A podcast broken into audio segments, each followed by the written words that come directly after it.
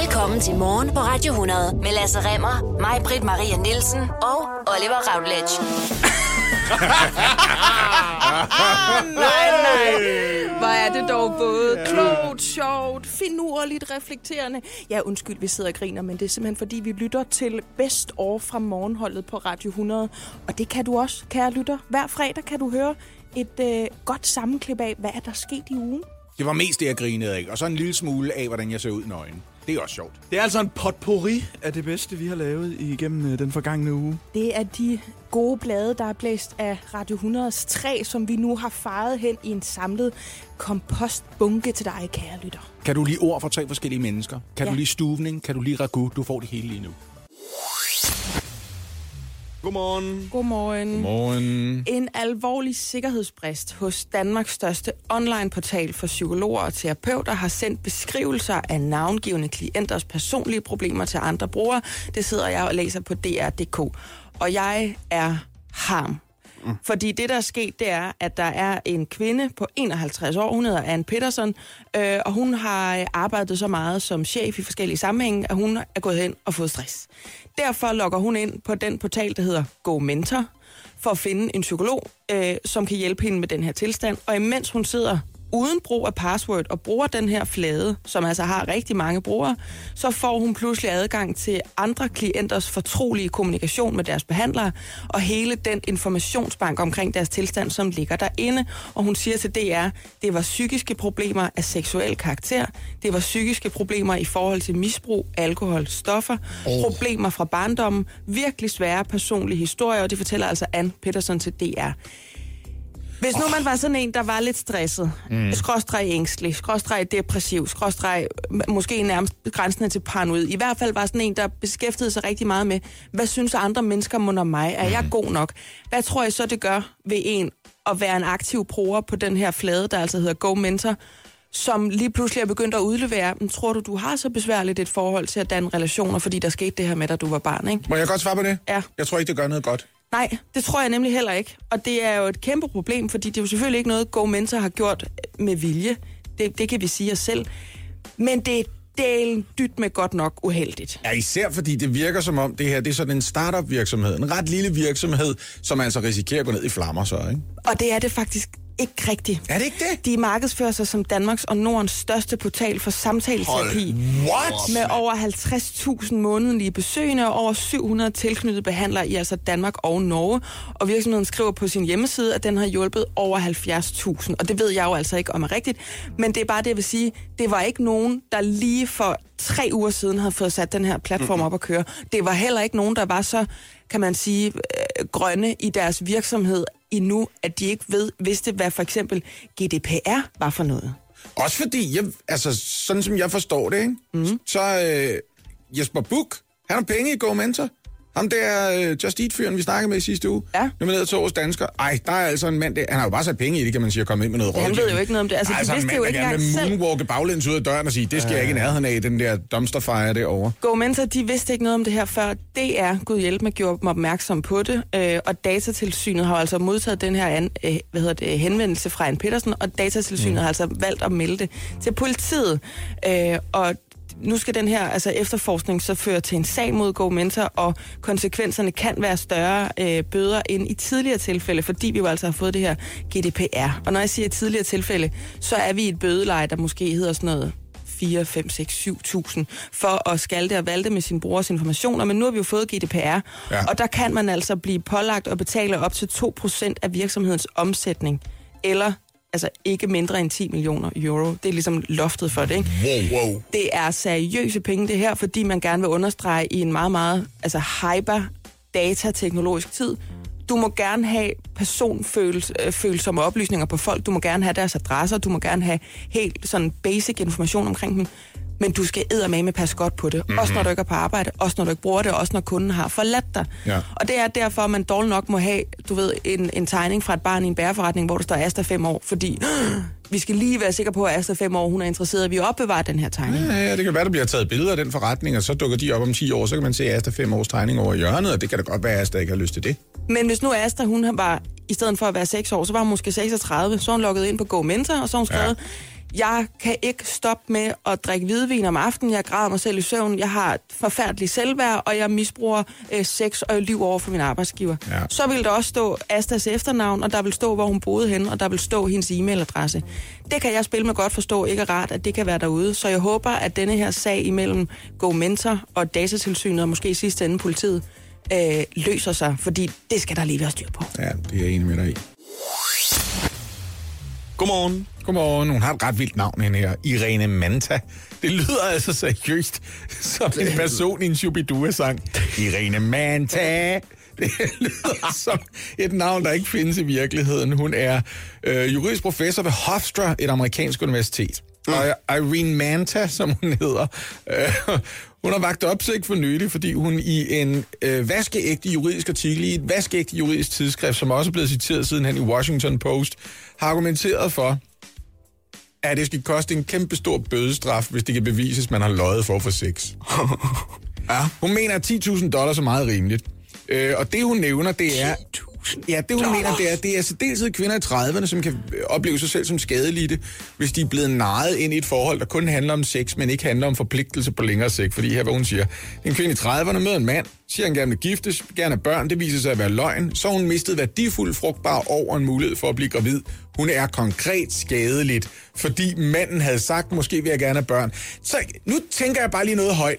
Findes der så for eksempel den mulighed, at man siger, det kan da godt være, at jeg gerne vil have børn, måske vil jeg gerne have børn med dig. Så lærer man hende at kende op der, jeg skal slet ikke have børn med dig. Lige præcis. Så har han ombestemt sig. Ja. Skal det koste penge at ombestemme sig, for eksempel? Det er lige præcis, jeg skulle lige til at sige, hvad nu hvis han gerne vil have børn, og det egentlig ikke er løgn, men han bare finder ud af, efter I har været på fem dates, jeg vil gerne have børn. Bare ikke lige sammen med dig. Altså, vil, vil det her så i værste fald kunne føre til en eller anden form for depositum? Hvor en mand, der kommer oh, ind ja. i et forhold, lige lægger 10.000 dollars og siger, den beholder du bare, hvis du ikke får de børn, du forventer dig. Eller hvis du bare generelt synes, at forholdet det er utilfredsstillende. For det interessant, interessante det er, Irene Manta her, når hun taler om, hvordan øh, hun mener, det kunne for eksempel komme til at koste 10.000 dollars. Det synes hun er en rimelig ting. Ja. Øh, kunne vi skabe en form for præcedens for, at man kan være skadelig, hvis nogen har lovet en noget, og trækker de løfter tilbage? Hun taler kun om det i forhold til kvinder, som har mulighed for at få børn, og så ikke får det alligevel. Men der er slet ikke nogen, der taler om den modsatte vej. Der er slet ikke Nej. nogen, der siger, Hvad, du sagde også, at jeg godt... Du sagde, jeg... Du har også lovet mig nogle ting. Det er... Fordi det gør man jo, når man møder hinanden. Det er jo ikke nødvendigvis løgn. Man men- præsenterer men... bare den fineste udgave af sig selv. Er det ikke rigtigt, Oliver? Jo, og man må godt fortælle en hvid løgn, må man ikke det? Så siger man for eksempel, nej, jeg er typen, der elsker at tage på ferniseringer og se på moderne... For det kan du også godt Ja, lide. nå, okay. Det gider jeg også. Jeg elsker at bruge mine sønner på det. Ja. Så går der fire uger, så det er på din flade røv og ser Bundesliga-fodbold i stedet for hele lørdagen. I stedet for at tage med hende på kunstmuseer. Ja. Har du så løjet? Eller har du pyntet lidt på den sandhed, der hedder Oliver Routledge? Jamen, så har man bare pyntet på det, synes jeg jo. Fordi jeg har selv, altså jeg, jeg har ikke selv løjet, men jeg har jo så godt kunne lige sådan, jamen jeg elsker også lige at sidde og snakke om det der rigtig flotte billede, som der blev malet af Van Gogh i sin tid. For eksempel. Jamen, jeg siger bare, og nu behøver det ikke være det. Det behøver ikke være... Det er bare hvad som helst. Det er hele ideen om, prøv at høre, hvis der er en ting, jeg sætter pris på, så er det hjemmelavet mad. Jeg fucking elsker at stå i køkken. Jeg elsker at stå i et køkken og pakke den pizza ud, jeg lige har modtaget fra Just Eat. Ja. Det er det, du i virkeligheden mener. Men der, altså, der er jo ikke nogen, der er 100% ærlige om, hvem de er, når de møder en ny. Man, man præsenterer den udgave sig selv, man selv tror, man kan være. Ja, og som man selv, ja, som man selv mener, man kan være, ikke? Ja. Og det er derfor, der ikke er noget bedre, end det øjeblik, man dropper de løgne. Der er ikke noget bedre. Det er der, man finder ud af, om det rent faktisk holder. Ikke noget bedre end første gang, man ser hende lige i øjnene, mens man prutter lampen. Det er det bedste øjeblik. Fordi hvis hun ikke går der, så ved man, her har vi fat i noget. Og ved du hvad det bedste det er? At hun kigger en direkte tilbage i øjnene og gør det samme. Det er Ja, som om, du ved, det er som om, det er meget en. Men jeg har svært ved at se, hvordan man skal bevise de her løgne. Altså, bliver det ikke bare påstand mod påstand i retten? Jamen, du sagde i øvrigt, så er det jo sådan noget med, at kvinden skal have det på båndoptager, før det er sådan rigtig beholder, ikke? Ja, og i øvrigt, prøv at høre, er det ikke den risiko, alle mennesker løber? Jo. Løber alle mennesker ikke den risiko, at vores facilitet falder i takt med, at tiden går? Hele den der idé om, du spildte værdifuld tid for mig, ikke bare frugtbarhedstid, du spildte da bare generelt tid. Mm. Vi har spildt den andens tid. Hvis det er sådan, du kigger på kærlighed, ikke? som en eller anden transaktion, hvor jeg skal have et udbytte af den tid, jeg investerer i dig, ved du hvad? Altså, så få dig en hund. Jamen, det mener jeg. Hvad mener du? Man kan ønske dig en til jul, jo. Godmorgen. Godmorgen. Godmorgen. Hvad gør man egentlig, når man inviterer gæster for eksempel til et middagsselskab? Serverer man noget mad, hvor man siger, det er da faktisk noget mad, vi godt kan lide i min familie. Det er vi ret gode til at lave. Mm. Kom og smag noget af det mad, vi laver. Kunne det ikke være hyggeligt? Og så kommer gæsterne, og så siger de, det er måske ikke det, vi laver derhjemme, men det er det fede ved at komme ud og spise middag hos nogle andre mennesker. Det, sådan havde jeg det meget, da jeg var barn. Der var jeg helt tosset for at få lov at spise hjemme hos mine skolekammerater, fordi jeg synes altid, at deres forældre lavede noget meget mere spændende mad. Det vil jo være ærgerligt, hvis man så kommer hjem til sine skolekammerater, og det viser sig, at forældrene de har gjort sig enormt meget umage med at ringe til ens forældre og sige, hvad plejer hun at spise til daglig? For så får hun præcis det samme her, og får aldrig lov til at opleve noget andet. Ja, det kan godt være, Hvor vil du for... hen med alt det, Lasse? Det kan være, jeg ligger for meget af det her, men i går på forskellige sociale medier, der var der folk, der havde taget et billede af, af, af, af det, der hedder et abribyskilt. Det har jeg lært mm. af min øh, ekskone, som øh, solgte reklameplads i sådan nogle øh, øh, plakatstandere. Er Jeg dem, ved godt, hvad du mener, men jeg tror, vi skal forklare det. Jeg skal lige forklare det. det er, så er der for eksempel et bykort på den ene side, og sådan et oplyst øh, øh, plakat øh, hænge ud. Og så på den anden side, der kan hænge en reklame, for eksempel. Det er sådan en grøn kasse, der Ja, står på som står midt i det hele. Ja. Ja. Og så er der typisk noget oplysning på den ene side, og noget reklame på den anden, og også er der reklame på begge sider. Ikke? Anyway, øh, på Nørrebro, der har man så kunnet opleve, at Nørrebro Lokaludvalg øh, sammen med Københavns Kommune har skiltet med en kulturfestival. Og hvornår løber den her stablen? Fra den 1. til den 24. december. Sådan, ja. Ja, den 1. til den 24. december er der 24 dage med... Jo, 24 dage. Med, Nej. jo, 24 dage med kultur på Nørrebro. Ej, men I skal holde op. Altså. Altså, Men hvis der er én ting, man glæder sig til at tælle ned til, så er det jo kulturaften den 24. Ja. Øh, december. Der holder vi godt og det er jo derfor, den gode gamle kulturmand kommer til gaver. Så skal vi danse om kulturtræet og Ja, åbne som er en kultur. birkestamme. Nå, jamen, øh, Nå, men det er fordi... Nu skal jeg fortælle- du noget? Ja, her hvordan de præsenterer det. 24 ja. dage med kultur repræsenterer, det er deres egen ord, repræsenterer Nørrebros mangfoldighed gennem kreative og spændende arrangementer rettet til alle slags kulturinteresserede i de kølige, i de kølige decemberdage. Ikke i juletiden, Nej, i de kølige decemberdage. Og jeg ved godt, nu kommer jeg til at lyde som sådan den amerikanske højrefløj, som sidder og rasser. It's a war on Christmas. Det er det ikke. ej, men det er i hvert fald berøringsangst. Det er måske lidt berøringsangst. Og så kan man sige, altså de er ikke bange for at, at danse rundt og provokere. Du kan komme til inspirationsaften om spisevaner, hvor der serveres spiselige insekter. Mmm, det smager konfekt. Det smager af jul, hva'? Du kan tage børn under armen til et sjovt skuespiller, eller, eller opleve en immersiv erotisk podcast blive fortalt af kvinder i en fugtig kælder under Nørrebrogade. Altså en Jeg involverende der. erotisk podcast. Immersiv, ja, det betyder, at du skal nærmest deltage, kan jeg forestille mig. Det lyder lidt som en... Jeg kan ikke den dag. Må jeg spørge om noget? Hvorfor kan det være, at man bliver ved med at problematisere i visse bydele af København, i Danmark, at vi altså har en kultur? Den har vi jo altså ikke for at fornærme nogen. Den har vi bare, fordi den har vi. Altså, jeg ved faktisk heller ikke, hvad problemet er. Det, der har jo været julebønd på Nørrebrogade for eksempel indtil 2016, men så øh, nedstemte, øh, sjovt nok, lokaludvalget ansøgningen fra, øh, fra øh, øh, de lokale Må jeg høre, hvem der forretningsdrivende om- sidder i det lokaludvalg? om støtte til... Nå, men det er jo mig, altså, det, det, det er jo sådan en... Nu snakker vi mangfoldighed. Ja. Ja. Så nu får du lige en opremsning af mangfoldige navne. Ja, af de klar. 23 medlemmer af Nørrebro Lokaludvalg, ni udpeget politisk, og øh, de, resten af dem 14 fra forskellige lokale foreninger. Ja, ikke? Øh, og det er, og hold nu godt fast, fordi vi kommer vidt omkring i verden her. Det er Kim, Maj, Britt, Morten, Erik, Bjarke, Ida, Jakob, Christoffer, Jonathan, Flemming, Britta, Nikolaj, Ea, Mie, Jens, Sissel, Katarina, Karen, Rasmus, Annette, Alexander, Mogens og Alexander. Og det er altså fra alle verdens hjørner. her Kæft, er det mangfoldigt, altså. Altså prøv at høre, jeg kunne godt lide at bo på Nørrebro. Jeg boet på Nørrebro i over 10 år. Jeg kunne enormt godt lide det. Jeg kan godt lide, at det er med en floskel, fordi jeg kan komme på andet. Det er sådan lidt en smeltekedel. Det har jeg altid Ja, godt kunne lide. ja, ja, Øh, jeg har altid godt kunne lide, at der er en masse forskellige impulser. Men for fanden, en af impulserne er vel også, at både ret mange kulturkristne mennesker, der synes, det er meget hyggeligt med nogle dumme traditioner Ja. med åbne en låge hver dag, og så er der en mand med en rød hue på, og sådan noget. Jamen, jeg synes også, det bliver sådan noget. Vi er så bange for at fornærme jer, kære mennesker, at vi laver et problem. Ja, det, man er bange for at træde over tæerne, ikke? Og derfor træder man alle andre over tæerne. Ja. Og det er jo også fjollet, fordi de der julelyskæder, for eksempel, som man holdt op med at hænge på Nørrebrogade, eller i hvert fald med støtte fra lokaludvalget. Ah, nej, det var Dem, noget med penge jo. Det var kun noget med penge. Det var noget med penge, men det var også fordi lokaludvalget, de vil ikke støtte det, fordi vi skal jo spise insekter og, og deltage i erotisk podcast i ja. Ja. en kælder under Nørrebrogade i stedet ja. for. Det er nemlig jul. Mm. Det er jul hele vejen, og hvis der, jeg synes bare, det er, jeg synes, det virker så fjollet på så Det kan da være, at de synger om en glans, der stråler, imens de laver erotisk podcast.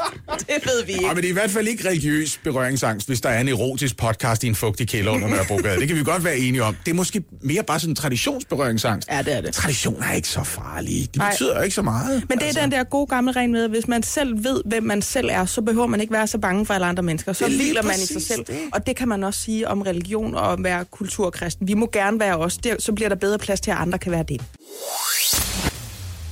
Nå, drenge, prøv at høre. Jeg sagde jo, at jeg havde en overraskelse. Ja, det har du lovet os. Ja, og det har jeg her i min hånd, og man vælger selv.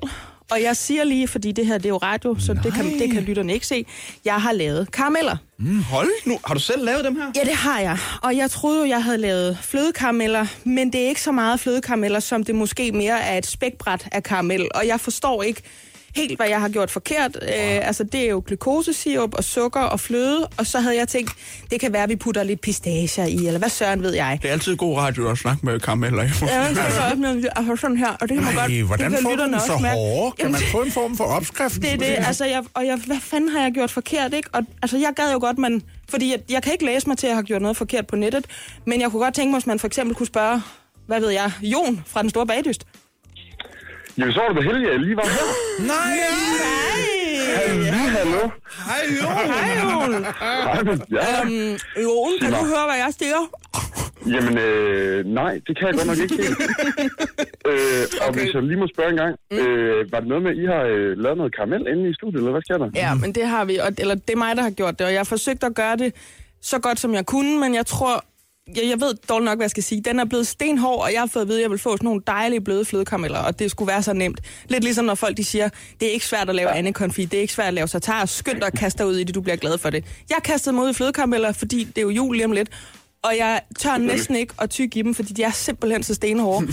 Smagen Nej, fejler ikke noget, men Nej, det gør den ikke. hvad, hvad har jeg gjort forkert, Jon? Ja, men det kan godt se, det kan hurtigt blive en dyr tandlægeregning, det der. Det er det. ikke sjovt. Så det, øh, jamen ved du hvad, jeg tror faktisk bare, det der er sket, det er, at den er kogt en lille smule for længe. Mm. Øh, og ved du hvad, øh, for at undgå, at det jo kunne ske en anden gang, Ja. det ville være lidt lækkert, hvis det nu bare var lidt blødt, så er der faktisk et smart lille trick, man kan bruge. Og det er, at når du står og koger din karamel, Ja. og den begynder at blive sådan lidt tykflydende, Ja. så kan du faktisk lave sådan en lille test, hvor du tager en uh, teske, og så drypper du noget af din varme karamel op i et glas helt koldt vand. Og hvis det så synker ned til bunden, så kan du tage det op med det samme. Fordi så sætter det sig lige med det samme. Og hvis det bliver helt hårdt, jamen, så ved du, den er kogt for længe. Øh, men hvis den bliver sådan helt blød og fast, så ved du, den er ved at være lækker. Du er jo et orakel inden for karameller.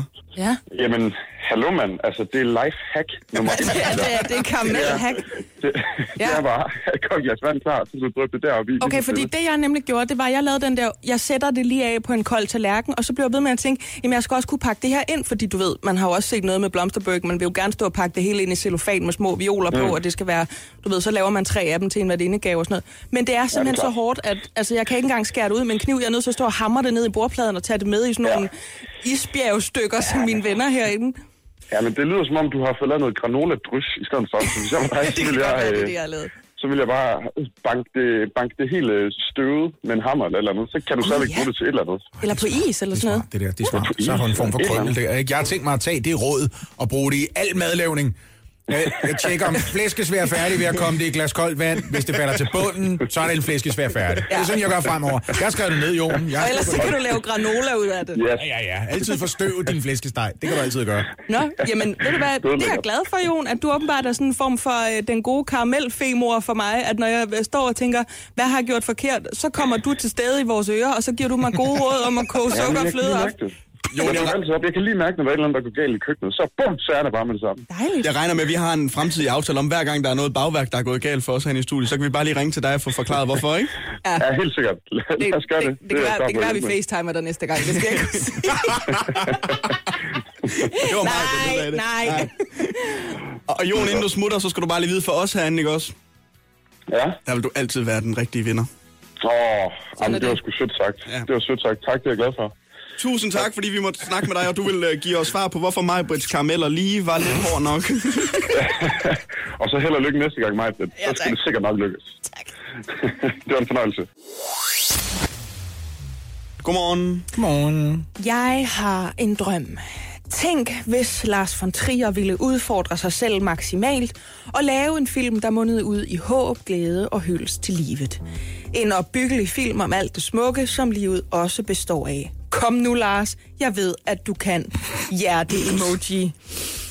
Og så kunne I jo tænke, hvem er det her? Altså, hvem, er det nogen, der bare gerne vil have et, en ny Dirty Dancing-film, eller hvad kunne det være? Og det kunne det godt være, men det er bare Mette Bock. Det er bare vores allesammens kulturminister, der på fancy vis vel nærmest kommer til at bestille en film ja. af en kunstner. Ja, det er fjollet, ikke? Kom nu, Michael Kvio, mal en solopgang. Jeg ved, du kan.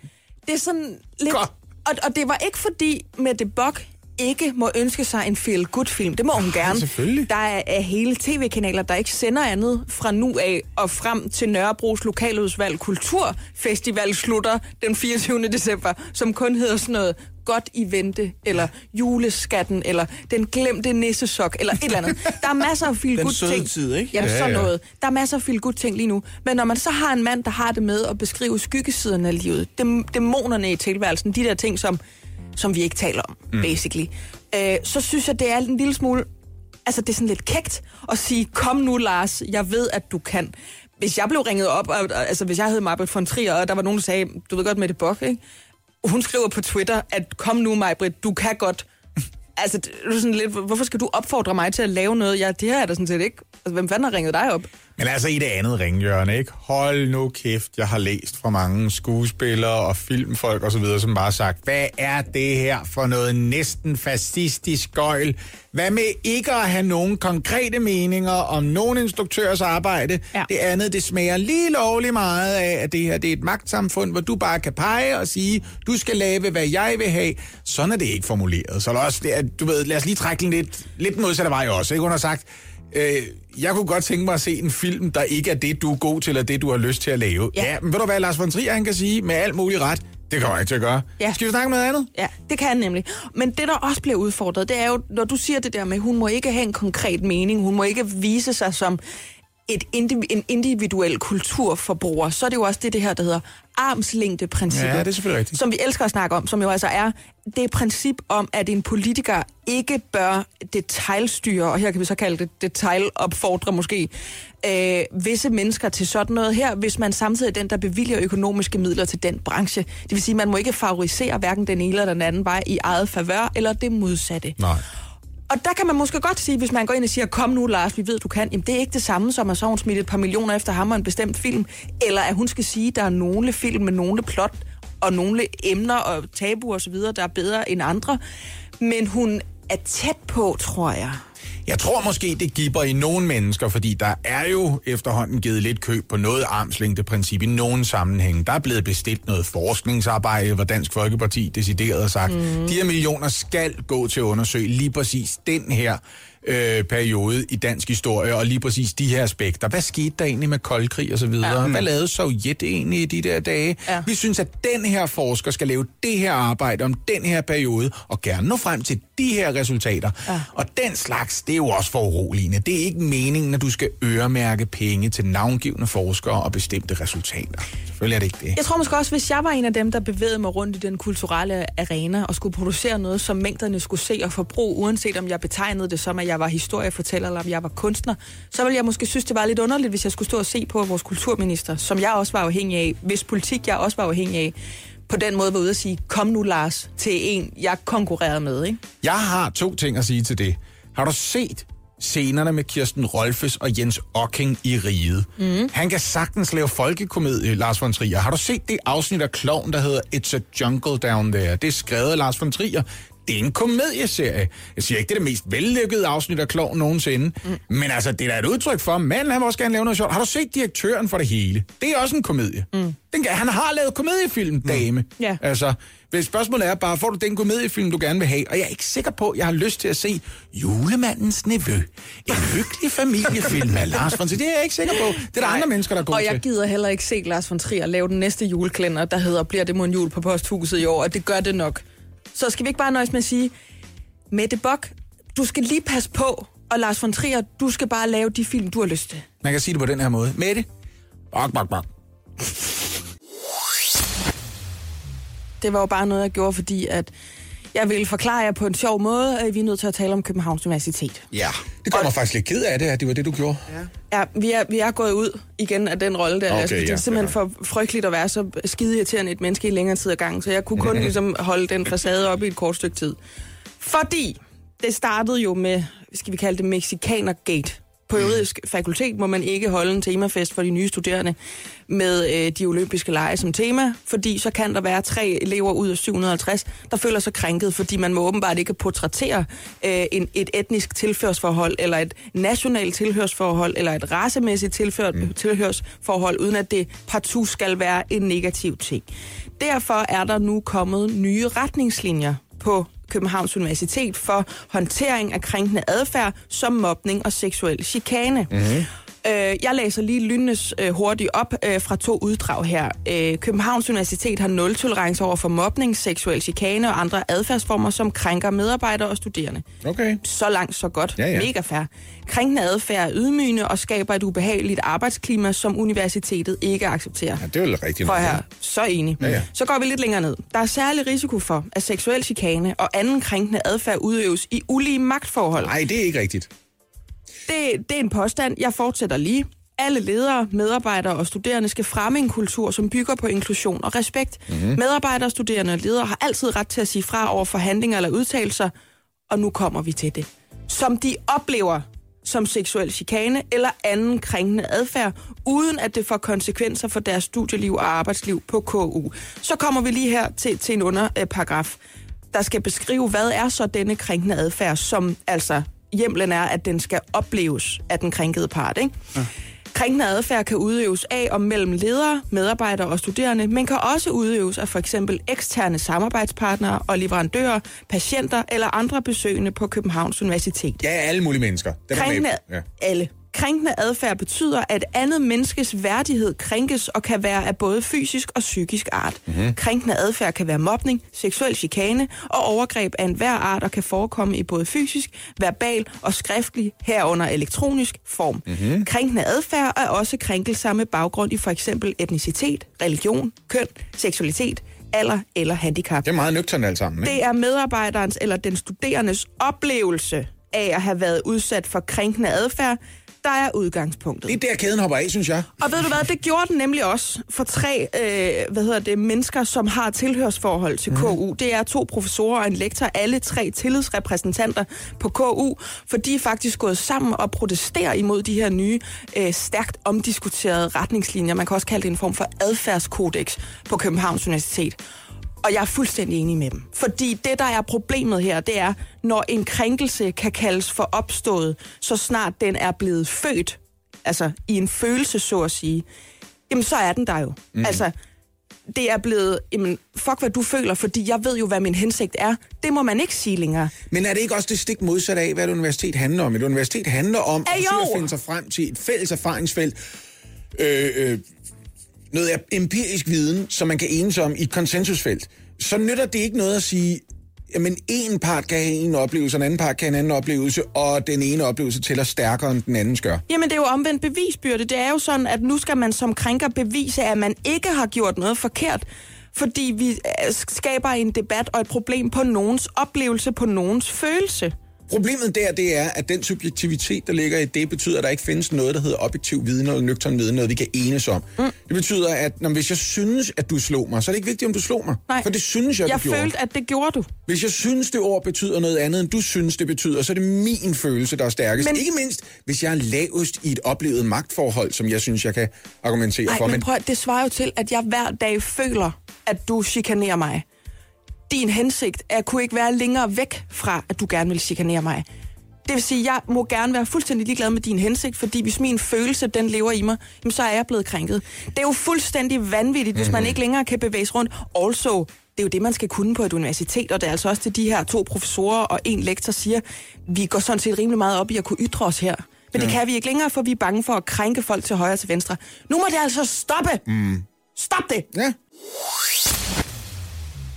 Godmorgen. Godmorgen. Altså, hvis du tror, der er drama på din arbejdsplads, eller det sted, du læser, hvor du hvad, du aner ikke, hvad drama er. You ain't seen drama. Det har du ikke, hvis du ikke har prøvet at gå på forfatterskolen. Og det har du sandsynligvis ikke, fordi så mange elever øh, har forfatterskolen ikke haft igennem cirka 30 år.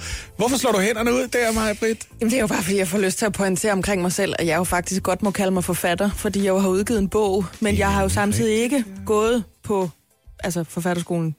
Forfatterskolen har eksisteret i lidt over 30 år, grundlagt af øh, navnkundige Paul Borum, Danmarks mm, ældste mm. punker. Altså i hvert fald indtil han, han døde, det bliver han kaldt. Rigtig mange store navne øh, er, har gået på forfatterskolen i tidens løb. Helle Helle, kæmpestort navn i dag. Ikke? Mm. Øh, Janus Kodal, Merete Brys Helle, stort navn i dag. Der er masser af, af stjerner, der er udklikket herfra. Måske var de blevet stjerner under andre omstændigheder, men processen på for, forfatterskolen er strengt personlig. Man læser ting højt, man har skrevet, og så fortæller de andre en, hvor elendigt det er, så man kan blive en lille smule bedre. Altså ligesom det er bare at være forfatter. Det er i hvert fald min oplevelse med at have udgivet noget, at folk, man ikke kender, må skrive om en på nettet. Hold kæft, hvor er det noget lort, du har lavet. Så jeg, Nå, tak for det. Jeg havde ikke spurgt, men tak alligevel. Men forestil dig at bruge 3-4 år af dit liv sammen med de anmeldere, der ja. Hader alt, hvad du skriver. Og hver eneste gang, du har skrevet noget, så rører det direkte i hænderne på dem. Og så skal du sidde og lytte til dem i en Øv. time. Når jeg siger, det er sådan her, tingene hænger sammen, så er det på godt og ondt, blandt andet sådan vilkårene er. Men er det altid objektivt så? Eller bliver... Øh... Det lyder som noget, der meget hurtigt bliver subjektivt. Jamen altså, er der regn, der drypper på nogen, og er der sol, der skinner på andre? Der har været en masse ballade i tidens løb. Og noget af det er man først begyndt at snakke om i forbindelse med, at øh, rektor på Forfatterskolen blev fyret i 2015. Han hed Pablo Henrik Jamba, Jambias. Jeg tror, hans navn udtales sådan. Jambias. Ja. W-A-M-B-I-A-S. Jambias. Jamen, yes. Ja, lige præcis, ikke? Ja. Øh, han blev fyret på grund af en sexikane-sag, og så udarbejder man simpelthen et sæt retningslinjer for, hvordan skal man opføre sig på forfatterskolen og ansætte en ny fyr, Jeppe Brixvold. Se, det er nu, det begynder at blive lakrids. Mm. Jeppe Brixvold blev fyret i år. Ja. Hvad blev han fyret for? Spørg Ja, var det ikke, fordi mig. han havde lavet ting ske, altså under sin ledelse? Det var ikke som sådan ham, der havde gjort noget, men han havde lavet adfærd passere. Så Mhm. mm-hmm. det mener jeg at vide. Det er i hvert fald påstanden. Men når man så spørger, hvad er det for noget adfærd, han nu passerer? Hvad er det, der er gået galt her? Hvem er det, der ikke er blevet skrevet ind overfor? Så kommer der ikke nogen svar fra bestyrelsen på forfatterskolen. De har simpelthen ikke argumenteret for, at han skulle fyres. De har ikke forklaret det, i hvert fald ikke i offentligheden. Mm-hmm. Der er bare blevet antydet, der er foregået et eller andet. Hvem er det så, der antyder det? 55 navngivende forfattere skrev et fælles brev til forfatterskolens bestyrelse, hvor de sagde, vi synes, vi skal kigge lidt små på, hvad der, der foregår på ledelsesniveau. Der går rigtig mange rygter om, at der er ting galt her rundt omkring. Vi siger ja. ikke, at vi ved noget, vi siger bare, Vi siger bare, at vi man tror noget. hører ting, ja. og måske skal der skrives ind over for det. Store navne imellem, mange tidligere elever på skolen. Og så bliver Jeppe Brixvold fyret, uden en forklaring i hvert fald over for offentligheden, og man konstituerer i stedet for øh, en ny rektor, Ursula Anker Olsen, også et stort navn i forfatterkredse, som så er den siddende rektor lige nu mm. øh, på forfatterskolen. Men hvad er det så for et brev? Ja. Det er jo det, der er problemet. Det brev var heller ikke offentligt. Øh, det er så kommet forskellige journalister i hende. De begyndte at citere enkelte dele af det rundt omkring. Mm. Øhm, og spørgsmålet er så, altså er der blevet sagt eller gjort ting blandt de forfattere, øhm, som har skrevet det her brev, øhm, som er problematiske? Se, Berlingske Altså er der fået... nogen, der har hensigter, som er slette? Det er groft sagt det. Er der nogen, der har været ude på at vippe Jeppe Brixvold af pinden, fordi de gerne selv ville have haft posten? Ja. Er der snak om, at der muligvis er folk, der har søgt posten? Er der måske en anden forfatter, der gerne ville have været rektor i stedet for Jeppe Brixvold, som så ja. muligheden for at vippe ham af tronen øh, med hjælp fra andre forfattere? Se, det er et rigtig svært spørgsmål at svare på, hvis man ikke har indblik i, hvad det er, der er foregået i en Facebook-tråd blandt 40 forfattere, 40 af de 55, som har skrevet det her brev. Øh, og det har Berlingske Tidene fået. De har Der indblik i Der deres er en af de 40 forfattere, som tydeligvis har afleveret hele Facebook-tråden i en lukket privat samtale blandt 40 forfattere til Berlingske Tidene, som så er begyndt at gå i rette med, hvad der er, der foregår. Og det er her, tingene begynder at blive lakrids. Okay, så der er en Judas, der har fået lidt kolde fødder i forhold til at være med i det der samsurium af skriverier på Facebook, som så har printet det ud og sendt det til Berlingske. Og muligvis har haft det hele tiden. Okay. Fordi, nu sætter jeg navn på en af de forfattere. Ja. Katrine Marie Guldhager. Okay. okay. Jep. Katrine Marie Gullager har i forbindelse med hele den her batalje i offentligheden været ude og sige lige ud, jeg kender ikke noget til, at der skulle være nogen af de forfattere, der har været med til at skrive det her brev, som jeg har været med til at skrive, som skulle være interesseret i, at navngivende mennesker skulle fyres fra forfatterskolen. Så problemet er bare, at i den Facebook-tråd, som hun har deltaget i, der er der folk, der siger, jeg så gerne, at navngivende folk de blev fyret fra Åh. forfatterskolen. Se, sådan nu er du på den, fordi Ja. nu er du løjet offentligt. Det er i praksis, hvad du har gjort. Ja. Eller også har du ikke læst den Facebook-tråd, du er en del af. Det er de to muligheder, der er. Det er typisk sådan tingene er. Enten er der ond vilje, eller også er du inkompetent. Det Det, det er den der at man skal ikke forklare med ondskab, hvad man kan undskylde med dumhed. Ja, lige præcis. Ja. Ja. Det er et klassisk diktum, det der. Aldrig nogensinde forklare med ondskab, hvad der passende kan, det kan forklares med, med idioti i stedet for. med- Ja, ja. Lige præcis. Så her er nogle af øh, citaterne øh, i den her samling. Der er folk, som har taget øh, afstand fra alt det her med, skal vi prøve at få vippet nogle af pinden i øh, Facebook-samtalen. Muligvis er det dem, der har udleveret ting i sidste ende. Men det, er altså, det har ført til, at medlemmer af bestyrelsen på Forfatterskolen de har sagt, det er enormt bekymrende det her. Nu har vi jo været, vi er kommet til at kom til at fyre ham der Jeppe Brixvold. Men og det det viser sig, at der hele tiden har været en eller anden form for komplot, der handlede om, at Jeppe Brixvold skulle fyres. Så nu spørger du mig lige, hvorfor var det, Jeppe Brixvold skulle fyres? Det er det, jeg spørger dig om, ja. Ja, så er der folk, som siger, det er simpelthen fordi, at der er en kreds af de her forfatter, som mente, det kunne være enormt fedt, hvis det var en kvinde, der blev rektor på forfatterskolen Hold i stedet nu for. Ja, jo, jo, Jeppe Brixvolds fejl, det var, at han har en tissemand. Og det ville bare være dejligt, hvis der var en med en tissekone i stedet for, der kom ind. og kæft, hvor er det uartigt gjort, hvis det er rigtigt, det der. Ej, det ville være rigtig ærgerligt, ja. Ja. synes jeg, på rigtig mange måder. At fyre en fyr, simpelthen fordi han er en fyr. Ja. Ej, hvor ville det være ærgerligt, synes jeg. Men der er ikke nogen, der kan bevise noget. Det er enormt Jeg lakrids. følger med i det der. Ved Det du hvad? følger jeg med i. Jeg skal nok sørge for at redde trådene endnu mere ud i en af de kommende dage, det her. Fordi det her, det er en soap opera, det er, hvad det er. Der er drama hele vejen. Drama Rama. Nu du siger fedt, nu vender jeg mig lige om. Ser min røv stor ud i de her bukser? Så siger man nej, Lasse. Vi siger nej. Uh, jeg har ikke noget sammenligningsgrundlag, jeg har kun set dem i bukser. Tak skal I have! tak skal I have! Ej, prøv lige at kigge lige ordentligt på den. Nu har jeg chancen. Nu kigger jeg fandme efter. Nej, jeg Hold synes ikke, din. Nej, det gør den ikke. Maja. Jeg synes, den er helt fin. Det er bare fordi, jeg synes, jeg er ved at blive lidt tyk. Ej, nu stopper du. Houston, we have a problem. Ja, og det ja, nemlig Anders Vangård for Landmand søger kærlighed. Jeg har rejst mig op, fordi der sker noget øh, med mig, når solen den er mindre fremme, end den er i sommerhalvåret. Og der er den jo så sjovt nok i vinterhalvåret. Jeg tager mere tøj på, og med det, så kommer logikken også snigende, hvor jeg tænker, når jeg har mere tøj på, så mm. behøver jeg ikke at være lige så, skal vi kalde det fit for fight, som da solen var fremme. Hvordan staver du fedt i fedt for fight? F-E-D-T. Ja, præcis. morfar. og nu er jeg bare i tvivl om, jeg skal problematisere det, fordi jeg har ikke... Jeg, prøv, jeg er en voksen kvinde, jeg er 30 år. Jeg kan sagtens bære at have... Øh, min svigermor, hun kalder det hoftecreme. Mm. Det, er sådan, det er sådan et eller andet, gerne med noget fløde og noget smør. Og jeg vil ikke stoppe med at spise flødekartofler. Men kan vi ikke lave en aftale om, at I lige øh, flakker det for mig, hvis jeg øh, bliver tyk på en måde, hvor I tænker, jeg ved, om hun selv har lagt mærke til det. altså, jeg hvis I synes, det ser er mig ubesvægeligt spise- ansvar her. Jamen, det, det pålægger jeg, ja. Vi er venner herinde. Men kan vi så ikke lave den aftale, let each other get fat. Så må okay. du åbne vinduet en gang imellem. Så må du åbne vinduet, så må vi lave en aftale, hvor du hver 14. dag for eksempel siger, godt, nu spørger jeg jer lige hurtigt, Ja. hvordan vi kørende? Og så er det et lille spejl på væggen der, hele ja. den der ting. Og så ja. Kommer der et tidspunkt, hvor vi lige pludselig siger, men Snevide er nu også pæn. Og så er det, du raser mm. og sender en mand ud for at slå hende ihjel. Ja. Øh, det, det må være sådan, vi gør. Var Fordi, det det, der skete i det eventyr? Ja, det var faktisk det, der Var det skete. fordi, den onde dronning havde en større røv end Snevide? Ja, det tror jeg faktisk. Men det, og det er svært at se i de der spejle, de havde dengang. Disney de skrev om det, men det gjorde de altså. det, er, det er jo vildt, altså. Jamen, det, Og er jo det gjorde det de selvfølgelig. det. Altså, en hver røv ser jo stor ud, øh, når du kigger på den lige ved siden af en dværg. Det skal vi også lige huske på, ikke? At det er, alt ser stort ud ved siden af en dværg. Mm-hmm. Det er bare det, der er problemet, ikke? Øh, jeg, jeg vil godt lige sige det her, ikke? Som en mand, der har taget 12 kilo på, efter jeg mødte min kæreste. Houston, we have a problem. Nej, det har vi ikke. Hvor du er et lille asshole, ja. Lasse, kom min ven. Også to tykke, vi taler sammen. Hvad fanden er det? Det, det var noget mærkeligt noget at gøre det der. Det er, det er en god idé at tage det i opløbet, ikke? Det er en Ja. god idé ikke at lade snebolden begynde at rulle. Men det er det, jeg beder jer om. Jeg beder jer om at, at sige det til mig på det tidspunkt, hvor jeg kan tage måske tre uger uden pastaretter, og så er jeg tilbage igen. Jeg vil ikke først vide det, når jeg skal være med i et program, hvor jeg skal græde, fordi jeg ikke kan tage mig sammen til at gå til spinning, for eksempel. Men så må vi finde sådan en Kill Bill Uma Thurman catsuit, du har på en gang hver 14. dag, eller sådan noget. Nå, så så vi jeg ikke faktisk kan hvad vi arbejder med. Fordi det er jo også et problem for dit vedkommende, det er, du kan jo pakke det en lille smule ind i noget strik i løbet af vintermåneden, Ja, og så det- kommer du i april, og så tænker vi, wow, er det det, der Wow, hvad er der sket? Og så er jeg både sur over, at jeg er blevet tyk, og over, at I ikke har mig. Ja, præcis. Så er det alles problem. Så er det alles problem, Det ja. er dit problem og vores skyld, og det dur jo slet ikke, for Ja. så har du et problem, og vi er Mit skyldige. problem og jeres skyld. Ja. Det er også fordi, hvis vi Kan på det en eller anden måde kan få fravristet mig ansvaret for min vægt, Ja. så vil jeg gerne det. Det er det, du er i gang med. Du er bare i gang med at sende den videre. Okay, men det I siger til mig, det er, huset er ikke brændt endnu. Nej, du, Nej, overhovedet ikke. Det er ikke engang i nærheden af at brænde mig. Og ved I hvad? De her hips, ikke? Ja, They don't lie. nej, det gør de ikke.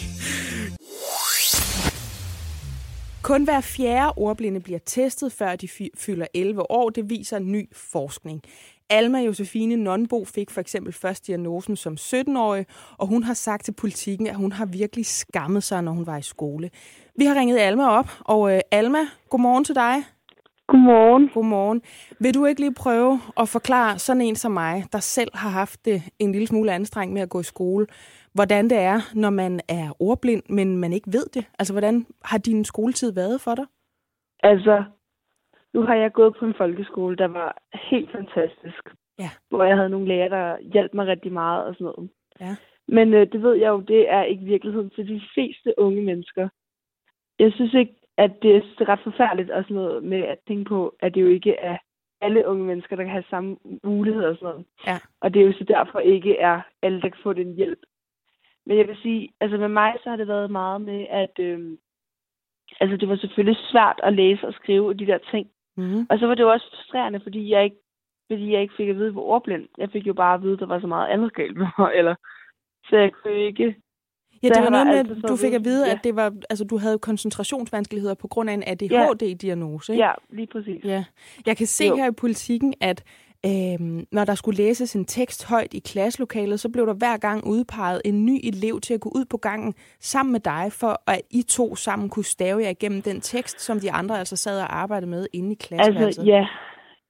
Det ved jeg ikke, hvad er for noget, men det er sikkert et eller andet smart noget med at få nogle lærere til at, eller sådan nogle elever til at hjælpe mig, fordi så kunne man arbejde sammen eller et eller andet. Ja. Men altså, det gjorde mig virkelig ked af det, fordi det var jo mine venner, og Ja. det var jo virkelig ubehageligt at blive, altså, hvad kan man sige, fremstillet på den måde. Det, der også øh, sådan virkelig optager mig med det her, det er, at øh, der har i hvert fald førhen, jeg tror da måske, da mine forældre øh, Mm. gik i skole, øh, der har der været en tendens til, at hvis man ikke kunne læse, eller man ikke kunne skrive, så var det Ja, det samme som, dum. at man var dum. Ikke? Føler du, at, altså nu har du givet et, øh, fremragende interview til politikken, er du en del af en, af en, kan man sige, en ny bevægelse, der skal gøre op med det, eller føler du, at det er der dæmmet op for, og har du følt det sådan? Øh, fuck, så ville jeg bare nogle gange ønske, at jeg var dum. Det ville være lidt nemmere nogle gange med Åh, ting, det synes jeg. Ja. Men altså, jeg ved det ikke. Jeg synes, at... Øh, jeg synes stadigvæk, det er der meget i samfundet. Jeg synes meget, man taler ofte om, uha, hvis man er ordblind, eller hvis man har en eller anden diagnose. Så, altså, det er ligesom ikke rigtig noget, man taler om. Men Nej. der er ligesom en forståelse af, at alle godt ved, at så er det nok ikke helt almindeligt. Jeg synes, at det er vigtigt at tale om, fordi at, ellers er det jo bare en fordom, vi bliver ved med at have. Men det er også fordi, vi altid får et billede af unge mennesker på, hvad hedder det, sociale medier og på offentlige platformer og sådan noget, som er de der ekstremer. Jamen, jeg kunne godt tænke mig, at det at være ordblind øh, kunne blive fuldstændig normalt, som at sige, jamen, jeg, jeg har en finger, der sidder skævt, eller altså, hvad ved jeg, altså få det afdemoniseret lidt, at det altså ikke har noget at gøre med, hvem man er som menneske Jamen, ellers. præcis. Ja. Ja, altså jeg tænker også, altså det er jo, for eksempel, hvis, der, hvis, man, hvis man ikke kan se, så får du jo også briller. Det er der jo virkelig ingen, der vil Nej. kigge mærkeligt på, eller hvis du ikke kan høre, så får du selvfølgelig et høreapparat, eller whatever. Du får en krykke, hvis du har brækket benet. Ja. Men det er jo, men det, så synes jeg også, at det er helt selvfølgelig logisk, at man giver folk, der ikke kan læse, hjælperedskaber. Ved du hvad, Alma Josefine Nonbo, det er dejligt, at du er stået frem på den her måde, fordi som du selv siger, som du også har sagt til politikken, så tror jeg, at der er flere tror jeg også, at der er flere mm. øh, unge mennesker, som altså kunne have god hjælp af at få at vide, men det er bare fordi, at du har, som du selv siger, brækket benet, eller øh, du skal have hjælp. Der er ikke noget øh, dæmonisk over det her. Det er simpelthen bare en ting, du skal vente til, og vi andre skal forstå, hvordan det fungerer. Mm-hmm. Jeg har i hvert fald fået øjnene op for, at, og det vidste jeg ikke, det er sådan noget halvdelen af alle børn, der ikke er diagnostiseret som 10-årige, og det er halvdelen af alle ordblinde børn, som ikke får øh, den behørige hjælp i folkeskolen. Det troede jeg Ja, faktisk ikke men var det er jo også fuldstændig absurd, ja. at det er så højt et tal jo. Det er jo voldsomt. Eller det tænker jeg, det er, sådan, det er jo altså helt underligt, Du at har der kan være så mange. Du har fuldstændig ret, og derfor er det skide godt, at du stod frem, og det var skide godt, du tog telefonen her til morgen, Alma. Tak fordi vi måtte ringe til dig. Det var så lidt. Godmorgen. Godmorgen. Der er godt nyt til modtagere af satspuljemidler, for jeg ved ikke, om I kan huske det. Men efter Britta Nielsen-skandalen, så lukkede øh, Maja Mercado for alle udbetalinger øh, fra satspuljemidlerne. Ja. For simpelthen at sige, at vi skal have styr på, hvad der, der foregår. Mm. Fordi der er et gabende hul efter Britta Nielsen. Og Britta-hullet er nu blevet lukket. Hold op! Hold op! Det er altså en grim overskrift. Brit- Maja Mercado Maja Mercado lukker Britta-hullet. Ja, det er, hvad hun gør. Maja Mercado har øh, nu lukket Britta-hullet, og hvis I for et øjeblik siden Puh, hørte den dumpe lyd af knogle og kød, som rammer laminatplade, så var det min kæbe, der ramte bordpladen. Ja. For jeg er så chokeret over, hvad det er for tre nye tiltag, Maja Mercado har fået øh, etableret, for at sikre, at der ikke kommer en ny Britta Nielsen-skandale. Og jeg er chokeret, fordi hver eneste ting er noget, hvor man tænker, vent lige lidt, hvorfor var det her ikke allerede en ting? Ja. Okay, første til os, ting. hvad det er. Første ny regel. Ansatte i Socialstyrelsen, det var der Britta Nielsen var chef for Superbruger, mm. kan ikke længere både udbetale tilskud og selv godkende regnskaberne. Nej, er det rigtigt? Ej, kan du ikke både være revisor og ham, der sidder med regnskabet? Ej, Nå, men det var godt, vi fik gjort det. Regel nummer to. Superbrugere, det er sådan en, som Britta Nielsen ja. var, kan ikke længere både have adgang til alle systemer på alle tidspunkter af døgnet, og selv udbetale tilskud. Altså et eller andet sted, jo mere du siger nu, og jo mere man får indtryk i den her sag, så vil man jo dømme Britta Nielsen, hvis ikke hun havde taget de penge. Lige præcis, det er stort set det. er jo- Det er nærmest for nemt, ikke? Ja. Og den tredje ting er, man kan ikke længere både selv oprette et projekt i Socialstyrelsens IT-systemer og stå for udbetaling af tilskud til det projekt. Nej, okay. Altså prøv at høre, det her det er jo seriøst, det er så hvad jeg tænkte, det er, det er som at opdage, måske har vi brug for en hoveddør med en form for lås på, i stedet for det perlegardin, jeg havde før. Kunne det være derfor? Æder med dumt, det er. Ej, men det er også fordi, vi har købt designermøbler for milliarder af kroner. Måske skal vi holde op med det der med at sætte et neonskilt op i forhaven, hvor der står, her er der designermøbler for milliarder af kroner. Bare Og vi er tag- ikke hjemme i weekenden, jo. Lige præcis. Og vi er aldrig hjemme. Det er så dumt. Og I skal være så velkomne. Mit forslag til at undgå snyd med satspuljemidlerne er meget enkelt. Afskaf satspuljen. Nå. Det er meget enkelt. Det er 16 milliarder kroner om året, som bliver taget fra socialt udsatte, så vi kan give dem tilbage til socialt udsatte igen. Det synes jeg er dumt. At tage penge fra kontanthjælpspuljen og så sige, og så kan I få pengene tilbage, hvis I søger. Og hvis I glemmer at søge, så beholder vi bare pengene, og måske er det det, der gør, at en midalderne kvinde fra Hvidovre på et eller andet tidspunkt så kigger på sin skærm og siger, hvert eneste år, så er der 150 millioner kroner, der skulle være gået til for eksempel psykiatriske patienter og udsatte mennesker, som ikke bliver søgt, og derfor bare ryger tilbage i systemet og bliver spildt på et eller andet andet pis Men Lasse- et andet sted, ikke? Den sidste, der sagde det der, Ja. han fik nærmest ørerne i maskinen, ikke? Det ved du godt. Ja, det ved jeg godt. Men er det fordi, du mener, at man bare skal tisse på de svageste?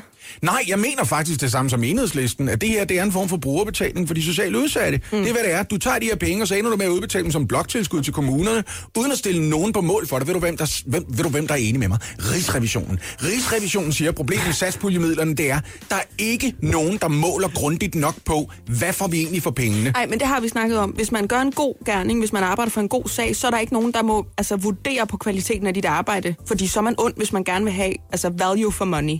Sådan er det jo. Det er rigtigt nok. Det er ja. Ja. ondt. Det er rigtigt nok. Fordi ved du hvad? Man kan ikke sætte en pris på godhed. Nej. Sådan. Det har også været ret wild inde på Anders Samuelsens Instagram. Altså, han har i hvert fald formået at drive Mette Abelgaard, Mette Abelgaard undskyld, fra de konservative øh, fuldstændig wild på Twitter, fordi der har hun jo altså forleden delt et billede af det, der ligner en rygende øh, udenrigsminister, øh, og sagt, hvad er det her? Hvor, hvorfor gør du det her? Du ryger jo ikke engang. Og så har Anders øh, startet med at sige, den vi godt kender, det kender ved jeg i hvert fald vi to, vi kender og læser, men nogle gange siger, prøv jeg gider ikke diskutere det med dig. Og det, der så gør, sker bagefter, det er, at man øh, diskuterer det med folk. Så Anders han har sagt, det gider jeg ikke at bruge tid på at diskutere. Men så har han diskuteret rigtig meget med hende inde på Twitter, hvor de simpelthen har snakket om, hvad er Anders ansvar i forhold til at påvirke de unge, eller ikke påvirke de unge? Det, han kan ikke ryge særlig meget i hvert fald, for han har selv skrevet det oprindelige opslag. Det er en to-tre små, jeg ikke inhaleret. Det er blevet til i løbet af de to år, Liberale Alliance mm. sidder i regeringen. Han er mand på 51, og han kan også godt lide en gang med lige at prale med en løbetur, hvor han løber 10 km på under 45 minutter. Det er ikke de fleste mænd på 51, der kan løbe 10 km på under. Men han har også været tidligere sådan en elite-løber, ikke? Så der er ikke nogen tvivl om, manden er ikke kæderyger. Hvorfor tager han så et sort-hvidt billede, hvor han står og ser en lille smule Reservoir Dogs Johnny Cash-agtig ud? Hvis ikke man vidste bedre, så ville man jo tro, det var fordi, at øh, vores mest kompetente indenrigsminister, eller slå udenrigsminister øh, nogensinde godt kunne lide at provokere. Jeg, jeg bor lige ind her. Hed han i øvrigt, han ikke skiftet navn til Danmarks mest kompetente indretningsminister?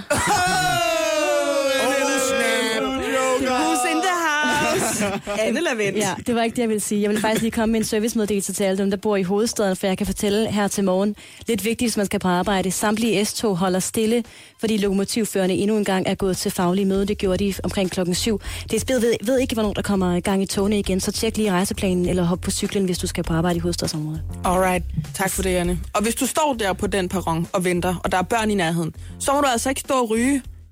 Heller ikke, hvis du går helt ud i enden af perronen, hvor DSB ikke gider gå ud og sige til dig, du må ikke stå og ryge her på vores perroner, for de er blevet gjort røgfri for hvad, tre år siden. Men det må du altså ikke, fordi du er en del af børnenes kollektive opdragelse med dine personlige vaner kunne man forestille sig, der var nogen fra konservative, der sagde. Mm. Og det er altså den diskussion, som Anders Samuelsen har haft med Mette Abelgaard, hvor han ligesom siger, prøv at høre, jeg er liberal. Øh, jeg, jeg gør egentlig det, jeg har lyst til, hvis jeg ikke skader nogen andre. Og så har Mette Abelgaard sagt, jamen du har da et ansvar, fordi du som udenrigsminister er forbillede for så mange unge mennesker. Nu stopper vi igen. Og det, det er altså lidt sjovt sagt, for det ved jeg ikke, om han er. Men det er fordi, det er en politiker, der siger det til en anden politiker, så hun tror muligvis på, at det er rigtigt. Nu siger jeg lige noget til alle politikere. I er ikke forbilleder, for I er ikke engang forbilleder for andre voksne mennesker. Nej, ikke engang forbilleder for voksne mennesker. Nej, for fanden, så slap dog af med det der. Altså, Andersen siger, jeg er jo liberal, jeg tror på det personlige ansvar, det er ansvarlige unge i øvrigt også, oplysning og alt andet en ulidelig politisk korrekthed på andres vegne, alt imens man selv propper sig med slik, og endda håner dem, der blev vrede på dig over at være et dårligt forbillede. Og det siger han altså, fordi Mette Abelgaard for to år siden postede et billede af, at hun spiste blandt selv slik til aftensmad, fordi der havde været en lang dag på arbejdet. Og så kan man jo sige, så er du ligeglad med de børn, der bliver tykke. Ja. Og det, jeg egentlig bare gerne vil frem til her, det er, kan I huske dengang, vi havde muligheden for at eksistere i et samfund, hvor der blev bedrevet god dansk politik, uden at vi kunne få så ondt i røven over, hvad vores politikere de lavede rent privat. Vi skal ikke længere tilbage end Jens Otto Krav for pokker. Han havde jo et privatliv, som ville få de mest korrekte, kulturradikale mennesker op af stolene. Men Altså, altså, der er jo der, sagde man bare, "Jamen, kan manden passe sit arbejde? Er han en dygtig politiker? Skal der valgte han med hans embede? Nej, det gør han ikke. Fint. Så må han gøre, som han har lyst til, når han holder fest, eller når han er gift med Helle Virkner. Fuldstændig, for det er hans privatliv. Det er jo altså som øh, socialdemokrater, der stadigvæk for eksempel med rette måske øh, taler øh, med dæmpet åndedrag om, hvor fremragende Stavning var, da han gennemførte kanslergade for livet. Ved simpelthen nærmest at låse døren og sige til, til sin husholderske, nu kommer der med noget snaps, så drikker vi os lidt fulde, og så går vi ikke, før vi er blevet enige om, hvad fanden det er, mm. vi skal gøre med den her. Mm. Jeg, jeg, jeg ved det heller ikke. Jamen, jeg, er bare, jeg er bare træt af den der formynderi-ting. Mm. Det er ikke Anders Samuelsens ansvar, og hvad han lægger på Instagram. Det er ikke der, hans politik bliver bedrevet. Vi kender ham jo godt. Han er jo nogle gange møgung. Han vil jo gerne provokere. Men jeg kan lide ham for det. For han, folk skal ikke bestemme, om han må stå med en cigaret i munden. Nej, men så var det... Øh, Mette Abelgaard lige kom forbi Udenrigsministeriet bagefter med en lakridspipe og lavede lidt En sjovt opslag. Det er den, den kan du roligt tage i munden. Den, øh, Når det har været en lang dag på arbejde.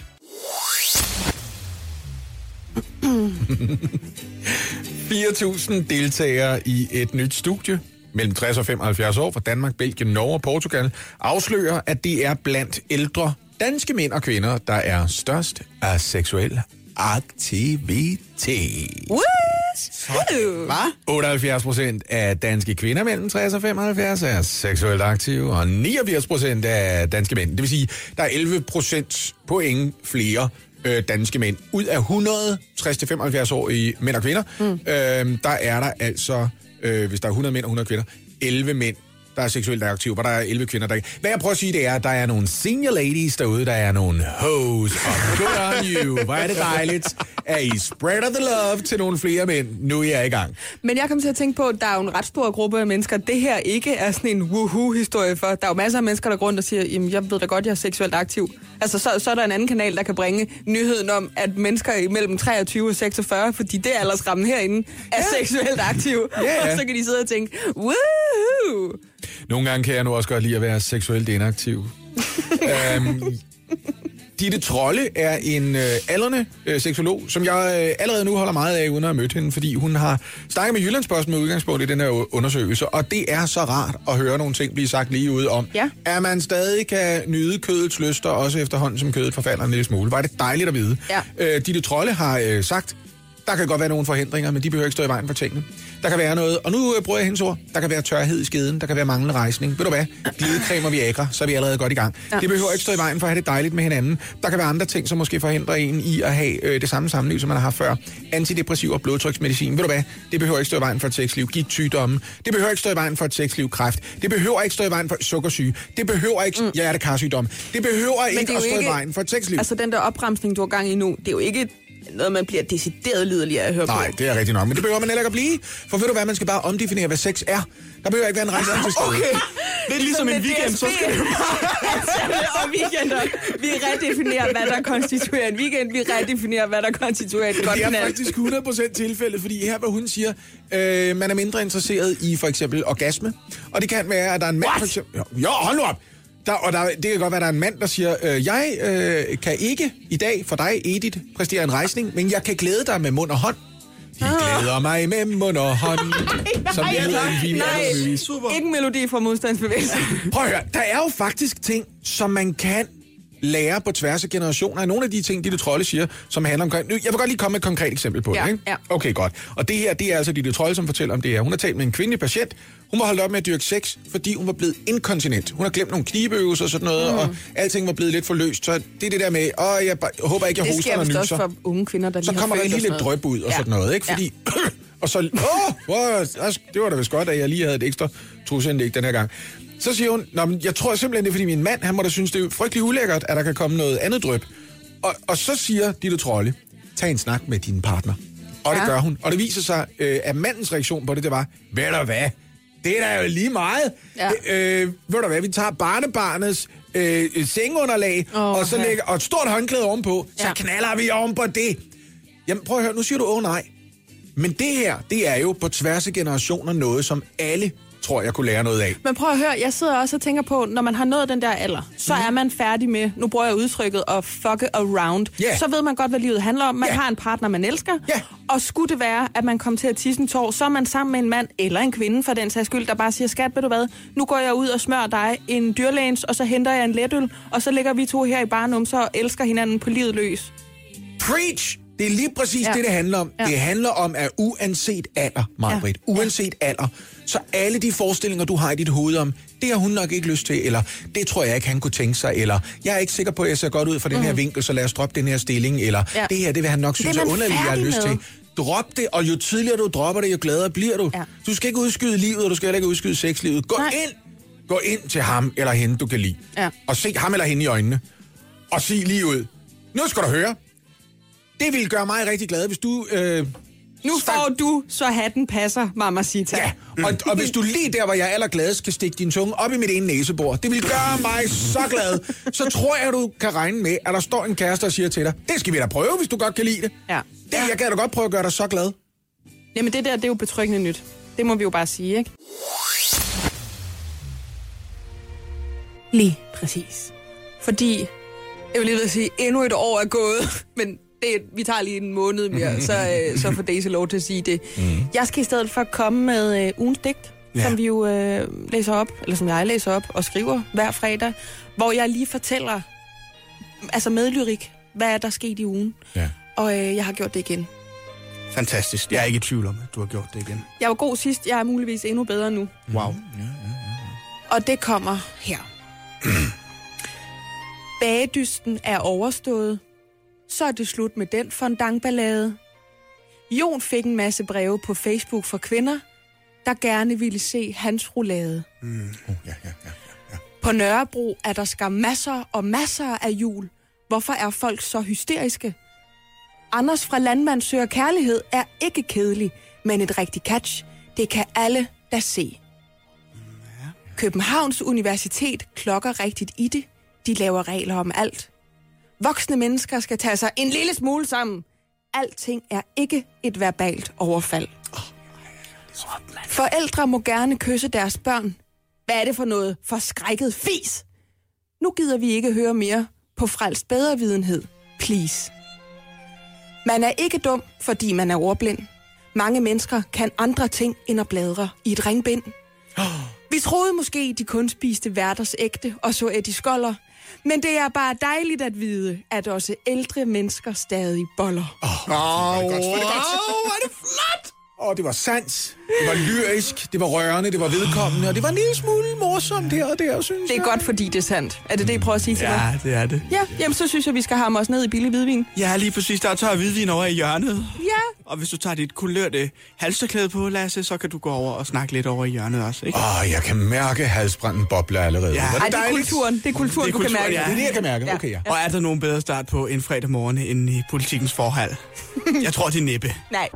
Morgen på Radio 100 med mig, Britt Maria Nielsen, Lasse Remmer og Oliver Routledge.